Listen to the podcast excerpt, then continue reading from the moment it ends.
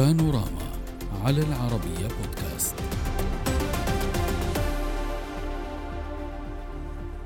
بدعوة من الرئيس الروسي فلاديمير بوتين وصل إلى روسيا رئيس الصيني في أول زيارة خارجية له منذ إعادة انتخابه للمرة الثالثة رئيسا للصين.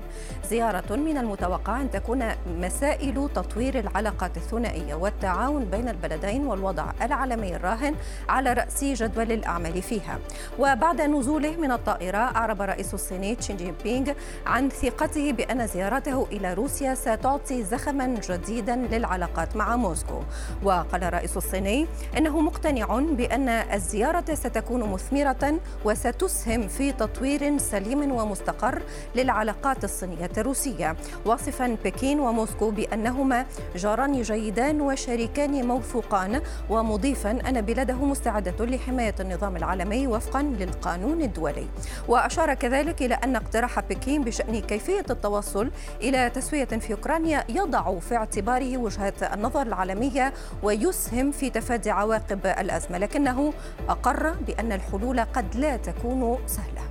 نناقش هذا الملف مع ضيوفنا من واشنطن طارق الشامي كاتب والمحلل السياسي ومن دبي إلهام لي الصحفي الصيني. أهلا بكم ضيوفي الكرام. اسمحوا لي أن أبدأ من واشنطن معك أستاذ طارق. أستاذ طارق زيارة مهمة وصفها البعض بأنها قادرة أن تمثل اختراقا حقيقيا لهذه الأزمة. هل تعتقد بأن زيارة الرئيس الصيني تشين جين بينغ قادرة فعليا على تقديم حل حقيقي للأزمة الأوكرانية؟ تحياتي لك أستاذ ريم ولضيفك الكريم. يعني أعتقد إنه هذا يعني يعود إلى الصين ولتفسير النقاط الاثنتي عشر وما الذي تستطيعه بالفعل لتحقيق هذا السلام بين أوكرانيا وروسيا. لأنه المبادرة كانت غامضة وعلى الرغم من ترحيب أوكرانيا بها إلا أن الرئيس زيلينسكي قال فيما بعد أنه يريد اولا خروج القوات الروسية من الأراضي التي سيطرت عليها في شرق أوكرانيا وهذا يعني أن المبادرة ربما لن تصل إلى أي طريق. بالإضافة إلى ذلك هناك شكوك غربية وأمريكية بشكل خاص إزاء الدور الذي تقوم به الصين لأن الصين بالنسبة للولايات المتحدة هي غير محايدة هي ساعدت روسيا على التهرب من العقوبات سواء كان ذلك بعد عام 2014 حينما سيطرت على شبه جزيرة القرم أو بعد حرب أوكرانيا في العام الماضي. ثم أنها أيضا عززت من تعاونها مع روسيا بشكل كبير والزيارة الحالية إلى موسكو تؤكد هذا هذه العلاقة الوطيدة بين الرئيس شي جين بينغ والرئيس بوتين في حين أنه لم يقم بأي زيارة مماثلة أو أعلن عن نيته للقيام بزيارة مماثلة إلى كييف. بالإضافة إلى ذلك هناك أيضا الإعلام الصيني الرسمي هو يتحدث دائما عن يعني يميل إلى تأييد الموقف الروسي يقول لا يذكر كلمة غزو لا يذكر كلمة حرب يشير إلى روسيا إلى انها يجب وضع في الاعتبار أنها تدافع عن اهتماماتها وخشيتها الأمنية. في جنوب روسيا نعم. صحيح أن موقف الصين معروف وهو عدم رغبتها في التدخل دولة على أخرى واستخدام الآلية العسكرية إلا أنها في السياق العام تؤيد على ما يبدو بالنسبة للأمريكيين تؤيد موقف روسيا بشكل كبير ولهذا هي لا ترى أنها يعني في وضع محايد مثلما كان عليه الأمر حينما توسطت بين المملكة العربية السعودية وبين إيران. نعم اذا سيد لي الصين ليست محايدة، الصين تقف إلى جانب روسيا أكثر من وقوفها إلى جانب الغرب بحسب ما شرح بحسب اولا التصريحات الأمريكية وكما شرح كذلك الأستاذ طارق، هل تعتقد بأنها عوامل قد تدفع بفشل هكذا وساطة؟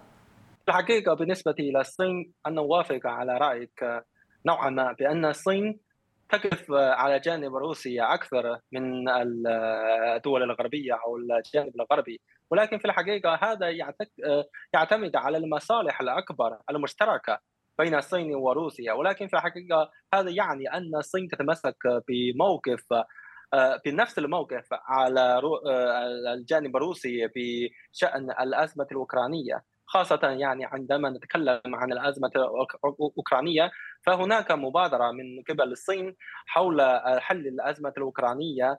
ففي الحقيقة لاحظنا أن هناك اختلاف بين الموقف الصيني والموقف الروسي. ولكن خلاصة القول بالنسبة لزيارة فخامة الرئيس الصيني إلى روسيا هذه المرة في الحقيقة يعني لاحظنا أن هناك تصريح من قبل جانب الصين بأن هذه الزيارة تركز على تعزيز العلاقات الثنائية اولا ثم للمساهمة في آه، حل الأزمات الدولية بما فيها الأزمات الأوكرانية وأيضا الأزمات الاخرى في المناطق الأخرى مثلا في الشرق الأوسط. ففي الحقيقة يعني نحن نعترف بأن هناك آه، المصالح المشتركة كبيرة بين الصين وروسيا وخاصة يعني هناك مصالح مرتبطة بالتجارة وأيضا في مجال الطاقة نظرا لتصدير آه، روسيا لكميه كبيرة من النفط وأيضا الغاز الطبيعي إلى الصين نعم. ولكن في نفس الوقت يعني الصين تتمسك بنوعا ما بالموقف المحايد تجاه الأزمة الأوكرانية وخاصة نظرا للمبادرة من قبل الصين ل 12 بندا لحل الأزمة الأوكرانية وخصوصا الأول من ذلك أو من تلك المبادرة يعني احترام بمبادئ ميثاق الأمم المتحدة وهذا مهم جدا بالنسبة لحل الأزمة الأوكرانية. أستاذ طارق هل تتفق مع ضيفي بأن الصين وإن كانت تميل آه، شيئا ما في موقفها آه، إلى الجانب الروسي؟ ولكن الصين تتعامل ببراغماتية مع هذه المواضيع وتضع آه، المصالح المشتركة في عين الاعتبار وبالتالي واقعيتها قادرة أن تحدث اختراق معين فيما يخص هذه الأزمة. هل تتفق مع هذا الرأي أو هذه الرؤية؟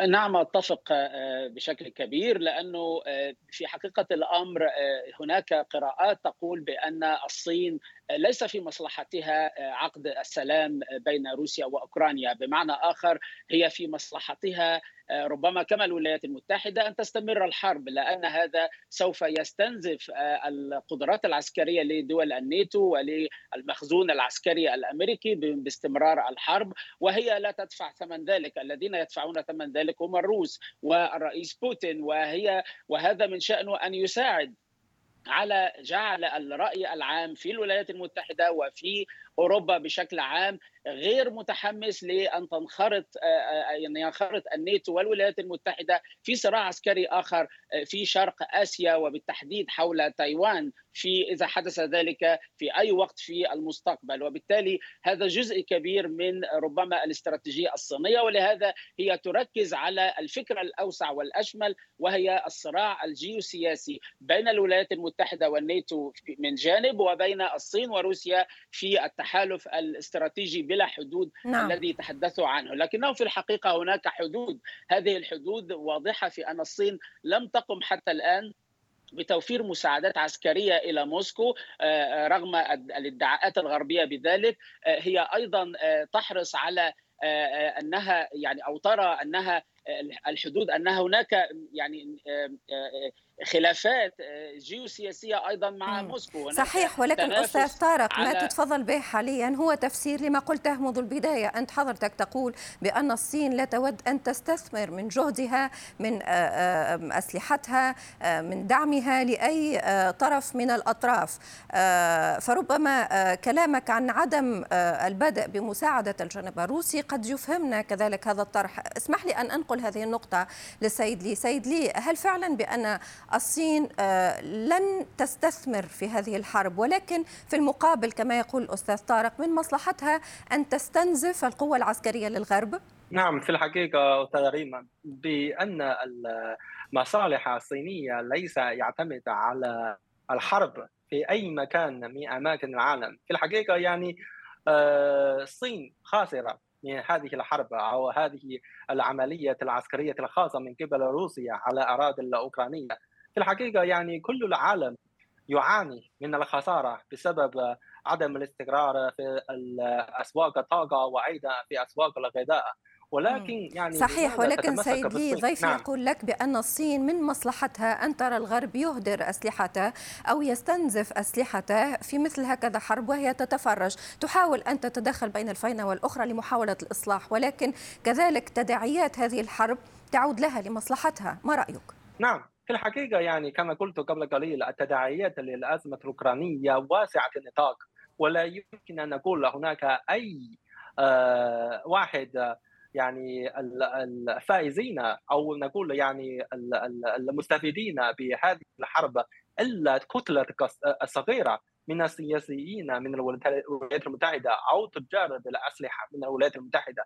ولكن بشكل عام مثلا الشعوب في منطقة الشرق الأوسط أو المواطنين الأمريكان أو حتى المواطنين من الدول الأوروبية هم الخاسرين من هذه الحرب لذلك يعني الصين طرحت مبادرة للسلام في حل الأزمة الأوكرانية وخاصة يعني آه، نظرا نعم. للنفوذ الصيني على آه، على روسيا وأيضا على أوكرانيا نظرا للعلاقات المتينة بين الصين وأوكرانيا فهناك إمكانية لحل الأزمة الأوكرانية بجهود مشتركة بين الصين وأيضا الدول الأوروبية وطبعا مع الولايات المتحدة ولكن في الحقيقة من المبكر أن آه، نقول بأن الحل الحل الوحيد بالنسبة للأزمة الأوكرانية على أيدي الصين لأن الصين في الحقيقة يعني لديها تأثير محدوده جدا للأوكرانية بالمقارنه تعتقد فعلا سيدي بان الحل الوحيد قادر أن يأتي فقط من الصين؟ آه، في الحقيقة يعني هذا يعتمد على تحركات من الدول الغربية وخصوصا من الولايات المتحدة.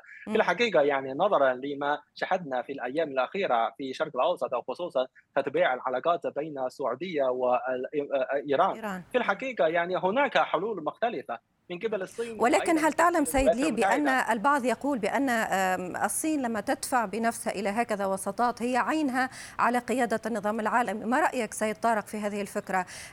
هل يمكن للصين أن تحل محل واشنطن؟ هل يمكن لبكين أن تحل محل واشنطن في قيادة النظام العالمي؟ وهل هي قادرة على ذلك؟ آه، بلا شك هي تسعى إلى ذلك لكن هذا لن يعني لن يكون سهلا بالمرة. يعني آه، بالتأكيد ما قاله حتى الرئيس الصيني في مقال نشر في صحيفة آه، روسية اليوم هو تحدث عن أهمية تعزيز العلاقات مع روسيا لمواجهة التحديات الأمنية المشتركة وما يصفه بسياسات الهيمنة آه، في إشارة آه، واضحة إلى الولايات المتحدة. بالتأكيد هذا هو آه، يعني الجزء الأساسي في الاستراتيجية الصينية وهي مواجهة الهيمنة الأمريكية أو ما تصفه بالهيمنة الأمريكية بالتعاون مع روسيا، روسيا دولة أيضا شاسعه المساحة وهي أيضا تمتلك ما لا تمتلكه الصين من أسلحة نووية استراتيجية وهي تصدر للصين الأسلحة المتقدمة في المقابل أيضا الصين تساعد روسيا وبالتالي الشراكة الاستراتيجية بينهما كبيرة ومن المرجح أنها سوف تستمر لكن هذا لا يعني أن الولايات المتحدة آه، يعني لن تستطيع مواجهة ذلك نحن نرى التحالفات التي تزيد كل يوم بين الولايات المتحدة وحلفائها نعم. ليس فقط في حلف الناتو وإنما أيضا في شرق آسيا مع نعم. اليابان وكوريا الجنوبية بل ومع الهند واستراليا وما إلى ذلك كل هذا يؤشر بأن هذا هو الصراع الحقيقي وليست حرب أوكرانيا سوى جزء من هذا الصراع والعين الآن هي ما الذي سوف يحصل في آه، تايوان مع تعزيز مزيد من الاليات العسكرية والسفن الحربية الأمريكية في نعم. آه، شرق في شرق الصين. أكيد تطورات ستفهمنا أكثر عن كل هذه المواقف وللنقاش دائما بقية أود شكركم جزيلا. الشكر من واشنطن طارق الشامي الكاتب والمحلل السياسي ومن دبي إلهام لي الصحفي الصيني. شكرا لكم بانوراما على العربية بودكاست.